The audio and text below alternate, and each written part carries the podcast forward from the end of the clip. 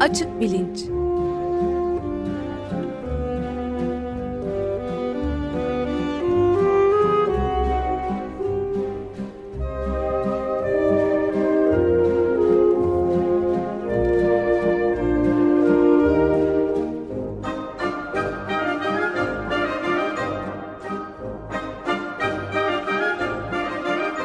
Güven Güzeldere ile bilim ve felsefe sohbetleri. Günaydın Güven Bey, merhabalar. Günaydın Ömer Bey. Can yok bugün. Ee, konuğumuz var Murat Sevinç. Siz e, daha önce de konuk etmiştik kendisini. Ee, siz tanıtımını yapar mısınız? Tabii memnuniyetle. Murat Bey hoş geldiniz. Hoş bulduk Güven Bey, teşekkür ederim.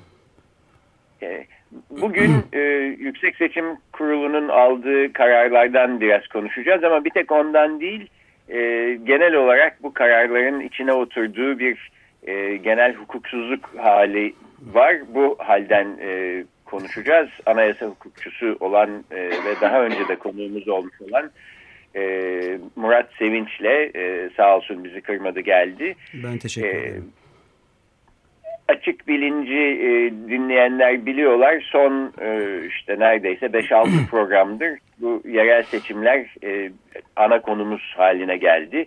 Önce seçmen psikolojisi, e, işte e, genel kırgınlık, motivasyon e, sandığa gidip gitmeme davranışı üstüne programlar yaptık. Daha sonra siyaset bilimci Profesör Hakan Yılmaz'la seçimin öncesinde Seçimin sonrasında da gazeteci Kemal Can'la e, bir takım analizlerde bulunduk. Fakat e, seçim sonuçları bir türlü belli olmadı. İstanbul'da e, maymunlar sayı sayabilir mi diye bir e, hayvanlarda bilişsellik e, konusunu ele aldık. Daha sonra bekleyenler ve bekletenlerin stratejileri üstüne bir program yaptık. En son geçen haftaki açık bilinci yaptıktan kısa bir süre sonra Yüksek Seçim Kurulu e, kararını açıkladı. İstanbul seçimleri tekrarlanıyor. E, konuğumuz Murat Sevinç de geçen hafta Diken.com.tr haber sitesinde yazdığı bir yazıda e, eskiden hocası da olmuş, açık bilinçte de konuk olmuş olan e, Profesör Cem Erol hocanın bu konuda verdiği bir söyleşiye atıfta bulunuyor. E, Cem Erol hoca diyor ki e, Yüksek Seçim Kurulu demokrasi tarihimizin hak mücadelesiyle elde edilmiş en büyük kazanımını kendi eliyle yıkmıştır. Bu ülkenin bir anayasacısı olarak üzüntüm sonsuzdur. E, Murat Sevinç'in alıntıladığı kısmı bu. E, biraz bunlardan konuşalım istiyorum ve bu şekilde umuyorum ki bu seçim serisini şimdilik bitirmiş olacağız. E, 23 Haziran geldiği zaman birkaç hafta sonra yeniden herhalde bu konuya bir döneceğiz. Fakat bizi bekleyen başka konular e, olduğunun siyasetle alakası olmayan e, bilim ve felsefe konularının olduğunun da farkındayım. E, Evet, ben bir de Murat ekleme Bey- ben de bir ekleme yapayım izninizle. Yani Murat Sevinç'in 12 Mayıs 2019'da boykot sandık müneccimlik ve sükunet üzerine diye bir yazısının iki bölümlük bir yazı şimdilik. Onun birincisi ve ikincisi de e, 13 Mayıs tarihinde. Bugün yayınlandı ikincisi. Bu ama kayıt olduğu için bu yarın yayınlanacak olduğu için e, onun için- Dün yayınlandı. Dün yayınlandı diyelim. Evet. Ve tarih bir e, şey e, o yazıda da e, bunun devamı geldi yani. O ikinci yazının başlığı neydi? İkinci yazının başlığı nasıl başa çıkmalı? Nasıl başa çıkmalı? Evet. Evet. Ben bu yazıların bağlantılarını Açık Bilinç Twitter sitesinden yerleştirdim. Oradan bulunabilir. E, Gazete Duvar'da da e, bir yazısı var. E, Birçok yazısı var aslında ama alakalı son yazısının e, bağlantısı orada. E, Ömer Bey pardon ben sizi kestim. Yok galiba. yok tamam bu kadar söyledim yani. Buydu. Son Peki ben de o zaman Bir de cumartesi günü, tanı- cumartesi günü evrenselde bir cumartesi söyleşisi yayınlandı yine aynı konuya ilişkin. Ee, Böyle bir şey e, daha tabii serbest bir dille bir söyleşi yayınlandı. Tamam Pardon, onu da bulup ekleyeyim o zaman. Yok yok yani e, eklemeniz için değil e, şey genel kaynaklar itibariyle zaten bu yazılarda söylediklerimi söylüyorum. Biraz daha serbest bir dille işte konuşma diliyle. Peki ben o zaman e, sizi tanıtıp sözü size bırakayım. Murat Sevinci aslında Açık Radyo e, dinleyicilerine belki tanıtmanın gereği yok. E, dediğimiz gibi daha önce Açık Bilinç'te de konuk olmuştu. Kendisi e, Ankara Üniversitesi Siyasal e, Bilimler Fakültesi diye de bilinen, Mülkiye de diye bilinen e, okulun öz evladı diyebiliriz. Lisans eğitiminde, yüksek lisansında. Orada yaptıktan sonra 1995 senesinde Anayasa Kürsüsü asistanı olarak çalışmaya başlıyor. Konusu da bu anayasa hukuku ve tarihi konusunda makaleleri ve kitapları var. E, fakat gazetelerdeki yazılarından da kendisini tanıyorduk. E, yayında olduğu zamanlar Radikal 2'de, e, şu aralar e, Diken e, ve Gazete Duvar'da e, yazıları çıkıyor. 2017 senesinde çıkartılan bir OHAL kanun hükmünde kararnamesiyle birlikte yüzlerce başka e, kamu görevlisiyle beraber e, hukukun e, ilkelerine de aykırı bir şekilde görevinden e, ayrılmak zorunda bırakıldı. Dolayısıyla öz çocuğu olduğu evinden şimdilik e, uzakta fakat bu durumun e, kalıcı olmayacağına ben eminim en azından kendi adıma. E, bu girişin ardından şu soruyla sözü ben Murat Sevinç'e bırakayım. Bu Yüksek Seçim Kurulu'nun aldığı kararlar bir anlamda evet yani bu İstanbul seçimleriyle ilgili tek bir vaka gibi gözükebilir. Fakat tabii öyle değil çünkü ilk örneği değil. E, neyin ilk örneği değil? Türkiye'de hukukun hukukçular tarafından ihlali gibi gözüküyor bana. Bunun bir örneği ve ilk olmayan bir örneği. Bu vakaları üst üste koyduğumuz zaman kümülatif bir şekilde Türkiye'de hukuk sisteminin de erozyona uğradığı, altının uyulduğu gibi bir durum ortaya çıkıyor. Ben en azından hukuk konusunda çok amatörce bir şekilde böyle bir görüş e, oluşturdum. Bir hukuksuzluk hali giderek tesis ediliyor sanki. E, biraz Yüksek Seçim Kurulu kararlarından başlayalım istiyorum. Hepimizin merak ettiği çünkü sorular var. Ama ardından da belki daha genel bir genel hukuksuzluk haline gidiş karşısında ne yapmalıyız, nasıl düşünmeliyiz, nasıl hareket etmeliyiz? E, bu soruya da e, en sonunda dönebilirsek sevinirim. Murat Bey söz sizin buyurun. Çok teşekkür ederim Güven Bey. E, vallahi bir mülkiye e, eski anayasacısına e, bu konularda bir şey sorduğunuzda e, adettendir genellikle dünya bir gaz ve toz bulutuydu e, diye başlar. E, ardından da eğer bizim topraklarımız da söz konusu olan senedi ittifakla başlar. Ama şimdi siz dediniz ki önce Yüksek Seçim Kurulu'nun bu kararından söz edelim sonra belki daha genel konulara geçeriz. O yüzden ben senedi ittifaktan bugüne e, ürkmeyin tabii bu şaka. E, şeyi şimdilik yapmıyorum. Vallahi e, biraz önce okuduğunuz e, cümle Cemeroğlu'dan alıntıladığınız, hocamdan e, alıntıladığınız cümle. E, o kısacık işte bir günde çıkmış çok kısa bir e, tepki ve değerlendirme yazısıydı. Aslında ben kendi yazımı yani buna ilk tepki yazısını da Cem Hoca'nın yazısını alıntılamak için yazdım. Çünkü kısacık bir yazının yarısından fazlası zaten hocanın alıntısından oluşuyordu. E, yürekten katılıyorum söylediği şeye. Bu son derece üzücü.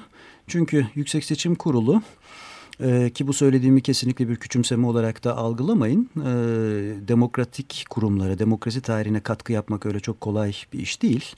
Ee, işte İngiltere, Fransa, Amerika yani demokrasinin beşiği diyebileceğimiz ve önemli gelişmelerin ve bütün kurumsallıkların yaratıldığı ülkelerde olmuştur ne olduysa ve dünya daki diğer demokratik devletler o e, ülkelerin o ülkelerden o sistemlerden e, e, e, alıp e, biraz kendine e, uyarlayarak işte parlamenter dediğimiz şey e, işte İngiliz menşelidir başkanlık sistemi e, Amerikan yarı başkanlık Fransa e, dolayısıyla buralardan alınarak uyarlanmıştır.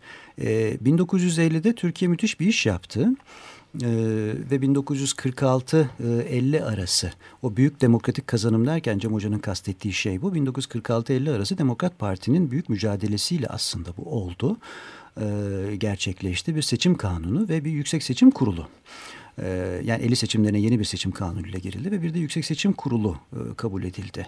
İlk kez e, seçimlerin hem yönetimi hem denetimi hakimlerden oluşan, yargıçlardan oluşan bir kurula verildi. Bu çok büyük bir kazanımdır ve demokrasi tarihi açısından da çok ciddi bir kurumsal katkıdır. 1961 Anayasası anayasal kurum haline getirdi. 1982 Anayasasını yapan e, Junta ve onun e, danışma meclisi ve onun anayasa komisyonu her konu üzerinden geçti. Hemen bütün kurumları yerle bir etti. Ama Yüksek Seçim Kurulu'na dokunmadı. Bu kadar önemli bir kurum ve Türkiye e, 60 küsür yıldır seçimlerini e, rezil olmadan Yüksek Seçim Kurulu sayesinde aslında yapabildi. Özellikle bizimki gibi az gelişmiş ya da işte gelişmekte olan demokrasilerde böyle kurumlar e, çok önemli. E, o sayede seçim yapabildi. E, tartışmalı kararlar verebilir. Elbette yargı organları tartışmalı kararlar verebilir. Zaman zaman hukuka aykırı e, kararlar da verebilir. Bunlar giderilebilir ya da giderilemez. Tartışmalara neden olur. İşte siyasi e, çatışmanın bir şeyi olabilir, bir unsuru olabilir. Ama e, işte 367 kararıyla karşılaştırılması ben o açıdan karşı çıktım. 367 kararı 2007 yılında Anayasa Mahkemesi tarafından verilen karar ben kesinlikle karşı olmama ve buna ilişkin çok sayıda yazı kaleme almama karşın e, o kararda bir e, hukuksal argüman vardı. Bana kalırsa olmayacak işti. Yanlış bir karardı ama 367'yi savunanların bir e, argümanı vardı. E bunda o da yok. Dolayısıyla onunla karşılaştırmak da aslında çok doğru değil. Ee, o yüzden bu bir hukuka aykırılık değildir. Bu yok saymaktır. Yasayı, bütün teamülleri, iştihadı yok saymaktır e, diyorum. E, ve 1950'de başlayan e, macerası elbette yine devam edecektir herhalde Yüksek Seçim Kurulu ama macerasının çok çok vahim bir noktasında şu anda bu kurul. Dolayısıyla Cem Hoca'nın üzüntüsünü paylaşıyorum. Ve bu karar çok partili yaşamımızda bir yargı organı ya da yargıçlardan kurulu bir organın diyeyim daha doğru olur. E, verdiği en vahim e, kararlardan biri doğrusu. Ben de bir ufak şey ekleyeyim izninizle yani Cem Erol'un ki yakın dostluğum var mülkiyede. Evet, onu birlikte. da almış olduk. Evet almış olduk sevgiyle. E, Türkiye'de klasik demokratik haklar içinde halk bir tek seçim dürüstlüğü için kitlesel bir mücadele vermiştir e, doğru. cümlesi. Tabii. Bu dünyaya da bir anlamda bizimkine benzer ülkelerde özellikle demokrasiyi kurma mücadelesi diyeyim veren ülkeler içinde örnek olduğunu tahmin ettiğim bir şey. E, tabii yani. çünkü o müthiş bir maceradır 1946-50 arası. Bakın Demokrat Parti kuruldu e, ve o kadar kısa sürede halk e, iltifatıyla karşılaştı ki Cumhuriyet Halk Partisi 47'de yapılması gereken seçimleri erkene çekti aceleyle ve telaşla 46 seçimlerini yaptı ve o seçimler skandaldır elbette. Hile, tamam. Hi, hiledir. Hile. İşte açık oy, e, gizli, gizli sayım, sayım, işte vatandaş oyu verir, kaymakam gider evinde sayar filan. E, çok az milletvekili çıkarabildi Demokrat Parti ama herkes gerçek gücünün bunun çok ötesinde olduğunu elbette farkındaydı. Cumhuriyet Halk Partisi de farkındaydı. E ne yaptı? Demokrat Parti hukuk dışına çıkmadan büyük bir direnç e, hukuk içinde kalarak büyük bir direnç gösterdi Cumhuriyet Halk Partisi'ne ve 47 yılında kuruluşunun birinci yılında benim sık sık yazılarda atıf yaptığım ve hatırlatmak zorunda hissettiğim bir şeyi yaptı. Dedi ki e, Hürriyet Misakı yayınlayarak şu şu değişiklikleri yapar, şu demokratik değişiklikleri yaparsanız ne ala. E, ama siz böyle giderseniz biz sine millete döneceğiz. Parlamentodan ayrılacağız ve halkın içinde artık siyaset yapacağız. Ve bu işe yaradı e, çok uzun süreli bir tek partili yaşamın sonunda ve İsmet İnönü gibi e, bir e, kişinin cumhurbaşkanlığında geri adım atıldı. E, arka arkaya e, demokratik yasalar çıkmaya başladı ve 12 Temmuz 1947'deki beyannamesiyle İsmet İnönü muhalefet karşısında eşit konumda olduğunu ilan etti. O çok önemli bir beyanname ilan etti ama bunu Demokrat Parti yaptı. E, ondan sonra Demokrat Parti daha rahat işte Recep Peker başbakanlıktan alındı, başkası başbakan oldu vesaire. O birkaç yıl içinde rahat çalıştı Demokrat Parti ve büyük bir iştir. E, ve 1950 yılında e, hadi 24'ten başlatalım 26 yıllık tek parti e, iktidarı Hani ilk parti Terakkiperver Cumhuriyet e, Fırkası'ydı. Başarısız parti şeydi de, de, deneyimi, girişimi. E, 26 yıllık bir tek parti iktidarı e, tokalaşarak devredildi. İnönü tarafından seçim sonuçları kabul edildi ve devredildi. Bu çok önemli bir şeydir ve Yüksek Seçim Kurulu e, o dönemin bir şeyidir, armağanıdır Türkiye demokrasisine. Ama son zamanlarda öyle işler yaptı ki işte iki önceki seçimde e, geçersiz oy e, pusulalarını biliyorsunuz e, şey yaptı damgasız oy pusulalarını kabul etti. Seçim sürerken e, seçim kuralı mühürsüz, değiştirdi. Mühürsüz mühürsüz oy pusulalarını. Eh e, daha biz onu tartışıyorken şimdi bu kez tuttu. Hiç olmadık bir iş e, yapıp e, işte 30 binin üzerindeki sandıktan yalnızca birkaç yüzünde e, şey var diye kamu görevlisi olmayan sandık kurulu üyesi var diye olmadık bir gerekçeyle ki o sandık kurulu üyelerini de e, bildiğim kadarıyla Ömer Bey e, siz atamadınız değil mi? Hayır. E, Güven Bey herhalde siz de atamadınız o sandık kurulu üyelerini değil mi? Benim tanıdıklarım da atamadı. O sandık kurulu e, üyelerini Yüksek Seçim Kurulu e, belirledi ve kabul etti ve onlarla seçime girildi. Üstelik sonuç üzerinde hiçbir etkileri yok bu insanları. Zaten böyle bir iddiada yok çünkü itiraz edilen sandıklarda bakıyorsunuz çoğunda kazanan aslında Cumhur İttifakı ve Binali Yıldırım'a daha çok oy çıkmış. E, ama böyle bir şeyi gerekçe göstererek e, tuttu İstanbul seçimini iptal etti ve öyle bir iptal ki e, yani absürtlüğün bir e, sonu yok, sınırı yok. Bir zarf içindeki dört oydan yalnızca birini. Evet. Birini yani iptal etti. Dolayısıyla buna ka bir karar demek Buna bir karar demek hakikaten çok zor. O yüzden ben biraz da hani ironik bir şeyle buna şey deyip duruyorum. Evet. Bu e, bir Çünkü karar falan bana, bana, değil bana, diye yazdınız. E, ama yani karar ka, karar e, kavramının sözcüğünün e, taşıması gereken unsurları bana kalırsa taşımıyor. O yüzden yine biraz e, yine işte dalgacı bir şeyle e, e, boşanmaya da karar verebilir diye yazdım. O zaman bir çifti de boşayabilir e, değil mi? Nasıl olsa kararlarına da itiraz edilemiyor. İşte bir temiz yok, bir şeysi yok. Anayasa Mahkemesi'ne gidilemiyor, başka bir yargı organına gidilemiyor. Dolayısıyla e, bu çok vahim.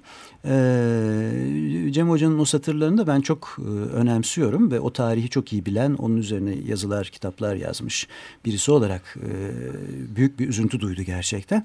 Evet durum üzücü ve ortada evet, ortada yani böyle bir e, karar var. O zaman ben de e, Ömer Bey müsaadenizle sırada bekliyorum. Yani ben son bir tek cümle şey yani Demokrat Parti önderliğinde meydanları yüz binlerle doldurmuş 46-50 arasında ve reyimiz namusumuzdur diye haykırmıştır diyor. 46-50 arası çok insanı duygulandırır. Ee, evet. müthiş bir halk hareketidir. Evet. Ee, Demokrat Parti'nin de bu başarısıdır. Ve Demokrat Parti çok farklı kesimlerden de destek almıştır ama halk iltifatı çok büyüktür gerçekten. Çok evet. büyüktür. Ee, halk e, oy hakkına sahip çıkmıştır. Bakın Türkiye'de pek çok hak ve özgürlüğü e, tırpanlamak, zaman zaman yok saymak mümkün olabiliyor. Ve ciddi bir yurttaş tepkisiyle de karşılaşmıyorsunuz. Ama oy hakkı öyle değil. Oy hakkı çünkü mücadeleyle büyük bir evet. mücadeleyle alınmıştır. O yüzden de halk e, oyuna sahip çıkar. E, yani bu yüzden Yüksek Seçim Kurulu'nun kararını kabul edilmez. E, Pardon Güven Bey size söz bırakmadık. Tamam rica ederim. E, bu Yüksek Seçim Kurulu'nun kararı ile ilgili bir parça daha ben de tam detaylara girmek istiyordum. Çünkü Buyurun. Murat Bey siz e, dediniz yani burada bir hukuk ihlalinden ziyade hukuku yok saymak söz konusu. Ama yine de bir e, hukuk görünümü altında e, işler e, eh, sürüyor. yani mecburen. mesela Cumhurbaşkanı ben e, şey, elimine ettim bu kurulu bundan sonra kararları ben vereceğim filan demiyor. Böyle bir görüntünün eh, sürdürülmesi halen evet önemli e, gözüküyor ve Yüksek Seçim Kurulu'nun da bir gerekçe yazması lazım. Bu gerekçede de bir takım kararlardan, akıl yürütmelerden filan bahsetmesi lazım. Hı hı. Ee, şimdi burada ne diyecek diye haliyle merak ediyoruz. Hiçbir fikrim yok. Ee, meslektaşlarımın ee, da hiçbir fikri yok. Ben onların da bir fikri olduğunu zannetmiyorum.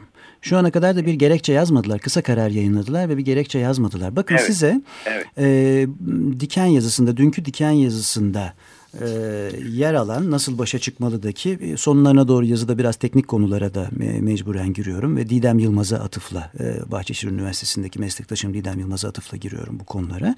E, 10 Mayıs 2019'da e, resmi gazetede mükerrer bir karar, Yüksek Seçim Kurulu kararı yayınlandı. Size durumun absürtlüğünü anlatabilmek için bu örneği veriyorum. Uzatmayacağım. 4379 sayılı karar. E, karar 23 e, Haziran seçimleriyle ilgili Yüksek Seçim Kurulu'nun aldığı bir takım e, şeyleri, ilke kararlarını açıklıyor kamuoyuna. Ve o kararın işte üçüncü dördüncü paragrafı herhalde diyor ki gereği görülüp geri gereği görüşülüp düşünüldü başlığından sonraki üçüncü paragrafta deniyor ki yapılmış olan bir seçimin sadece oy verme ve sonrasına ilişkin bazı işlemler nedeniyle iptal edilmiş ve sonuçlanmamış olması karşısında seçimin yeniden yapılmasına karar verilmesi durumunda E bu çok yadırgatıcı bir cümle çünkü seçimler bu e, şeyle iptal edilmedi ama burada ne diyor? Seçim sadece oy verme ve sonrasında seçimde oy vermeye ilişkin bir itiraz yok. Bir Yok. sorun da yok. Sonrasına ilişkin işlemlere ilişkin bir itiraz da yok ve bir sorun da yok. Zaten e, e, iktidar partisinin böyle bir e, başvurusu da yok. Bunu söylüyor. Bu son derece şaşırtıcı ve tuhaf cümleyi kuruyor. Bir paragraf sonra da diyor ki e, sandık kurullarının yeniden kanuna uygun olarak oluşturulması. E demek ki yeni seçimde yapacağı şey yeniden bu kez kanuna yani o kamu görevlileri olacak işte sandık kurulu üyeleri kamu görevlilerinden oluşturulacak. Dolayısıyla bir paragrafta söylediği şeyi gerekçeyi tamamen çöpe atıp asıl gerekçeyi bir sonraki paragrafta söylüyor. E bu kurulun bir gerekçe yazmasını nasıl bekleyebilirsiniz? Ayrıca Büyükçekmece e, seçimleri diyelim değil mi? İptal için başvurulu ve reddedildi. Gerekçe yazdı mı? Hayır yazmadı. Ve epeyce bir zaman geçti. Yazamıyor gerekçe çünkü ne yazacak? Çok E, büyük vallahi bir olasılıkla, çok büyük bir olasılıkla yüzde 99 diyelim buna süreden reddetti. Yani şey için iptal süresi geçmiştir dedi ve reddetti Büyükçekmece için yapılan iptal başvurusunu. E, aynı süre kuralı e, iptal ettiği e, seçim için de geçerli. O yüzden yazamıyorlar. Evet. Yazamıyorlar. Bir gerekçe yazamıyorlar. E, ne yazacaklar bilmiyorum. Yazdıklarında ben de işte sizinle birlikte e, şey yapacağım, okuyacağım. E, vahim. Evet, Siz ne diyorsunuz? durumda- Güven e, zor bir durumda oldukları açık. Öte yandan da biz yazmıyoruz artık bundan sonra gerekçe yazılmayacaktır gibi bir kararname filan e, çıkması söz konusu olmayacaksa bir şey yazmak zorundalar. Biz de onu E, bekliyoruz. bi- bilmem haliyle. ben belki de yazmayacaklar. Hakikaten emin değilim. Yani bakın bundan bile artık değil mi mahkeme kararları gerekçeli olmak e, zorundadır. Ama Yüksek Seçim Kurulu mahkeme midir değil midir bu e, ana- kara, mahke, Anayasa Mahkemesi kararlarının da konu olmuştur. işte hakimlerde o yüzden biraz önce şey dedim e, hakimlerden oluşan bir kurul. E, e, ama işte bizim kararlarımız gerekçeli olmak zorunda değil diyebilirler mi bilmiyorum. E, ve şu Evet. anda bunu bilen bir meslektaşım da e, yok. Yok. Bekliyoruz. Evet. Peki ben e, gerekçede ne yazabilirler diye e, yararlanmak üzere belki bir referans olarak e, Adalet ve Kalkınma Partisi bir video yayınladı. Belki bu kullanılabilir diye düşünüyorum. Çünkü benzer bir Evet, şeyler ben onu ne yazık ki çıkacak. seyredemedim. E, Orada diyor ki kısa bir video ama işte herkese aslında bu kararların niye e, yasal ve doğru olduğunu e, anlatmaya çalışıyor. Öyle bir iddiaları var. 123 sandıkta sandık kurulu başkanı ve üyeleriyle ilgili hukuksuzluk vardı diyor. Bu, bu toplam e, 42 bin oy çıkmış bu sandıklardan. Arada 13 bin fark var. Dolayısıyla sonuç değişebilir. Yani e, oylara dair bir sahtekarlık işte birisi e, şeyi değiştirmiş, zarfı değiştirmiş, içinden sahte oy çıkmış falan. Böyle, böyle- böyle bir şeyler hiç söz konusu değil. Fakat e, sandık kurulları ile ilgili bir hukuksuz bir durum olduğu için yeniden yapacağız diyorlar. Güven Bey Şimdi bunları tabii- e, çok özür dilerim sözünüzü kesiyorum. Rica bunların bunların siz de geçerli olmadığını söylediniz. Geçerli değil. Ee, ama daha da önemlisi ve asıl üzerinde durulması gereken konu süre ve konu.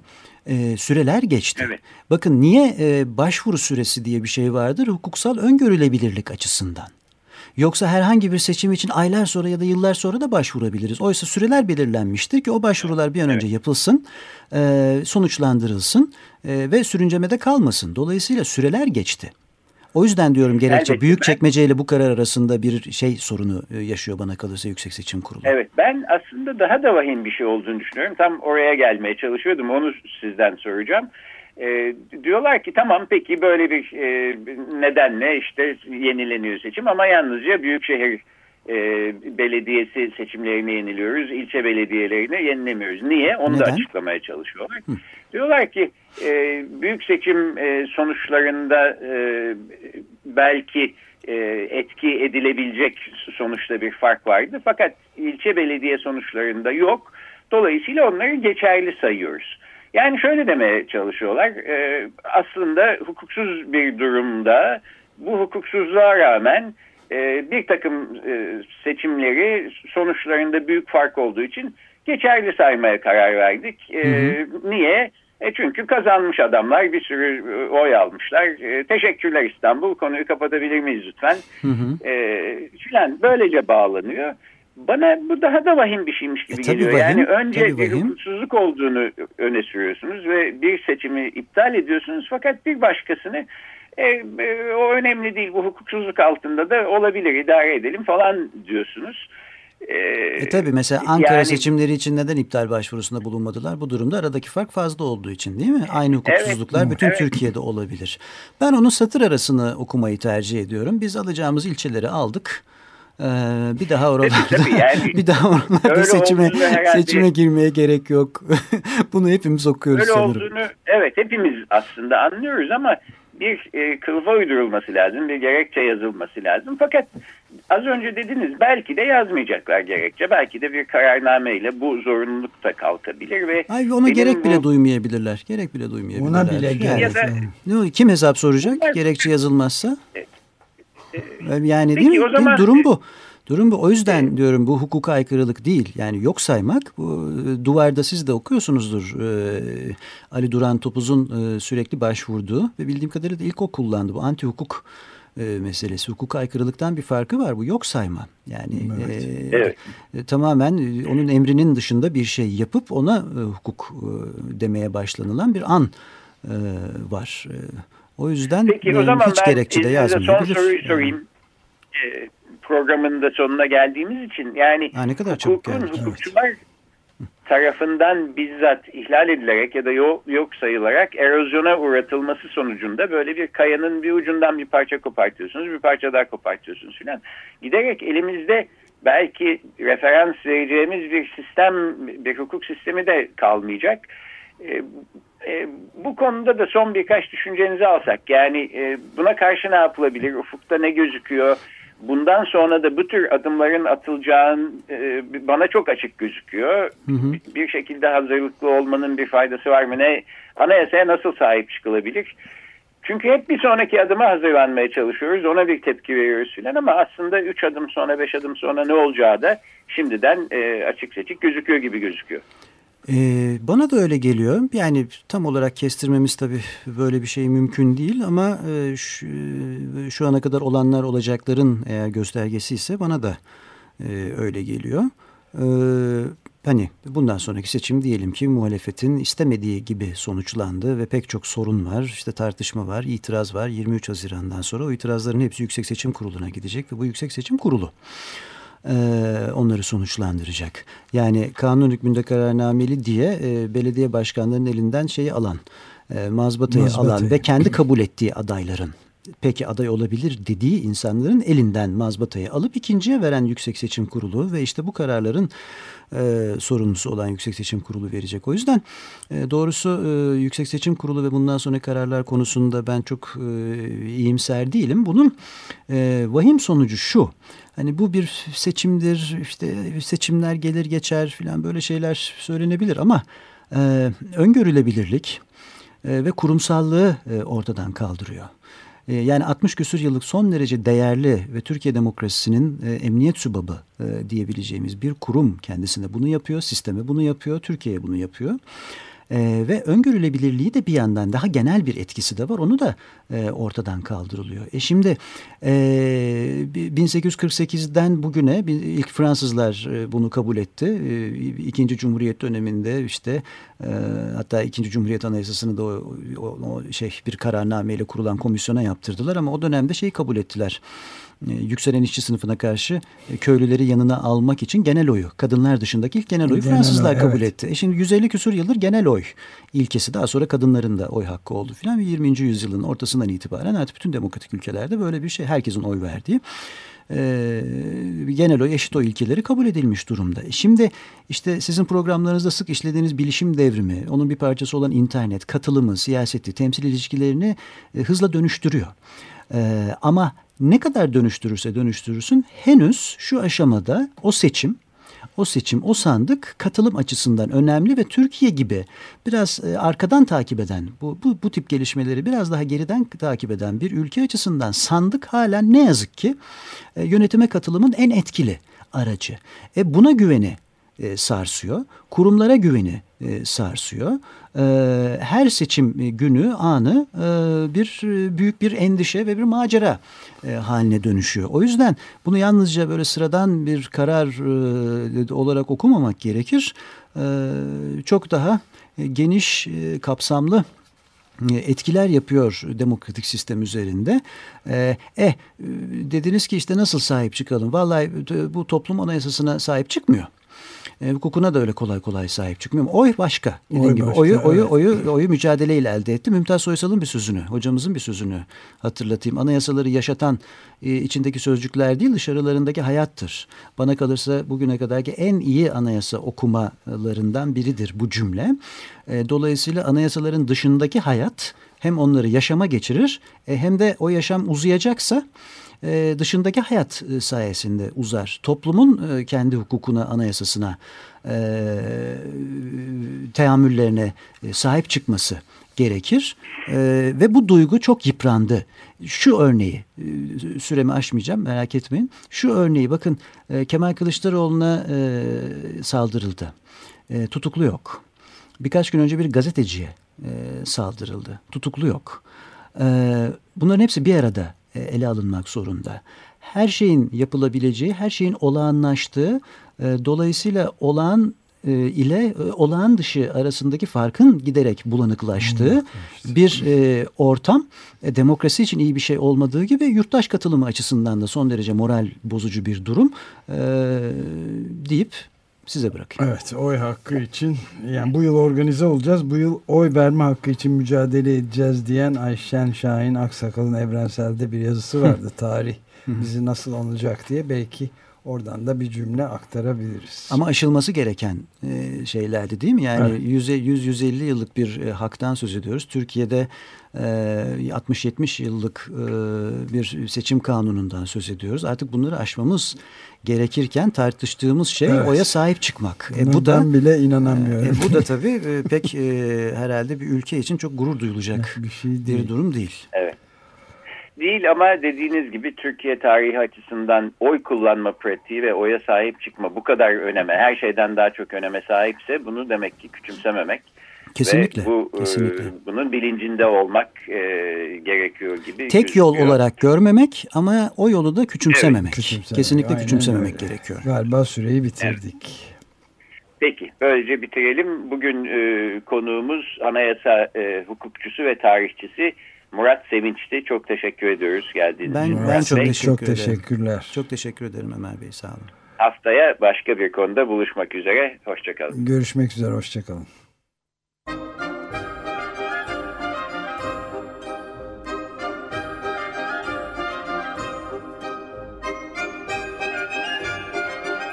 Açık Bilinç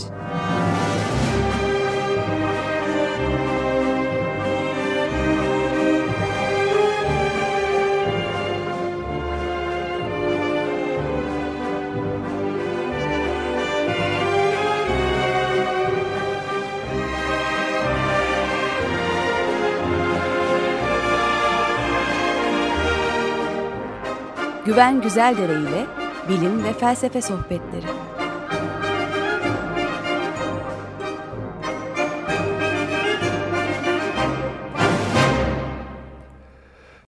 Açık Radyo program destekçisi olun. Bir veya daha fazla programa destek olmak için 212 alan koduyla 343 41 41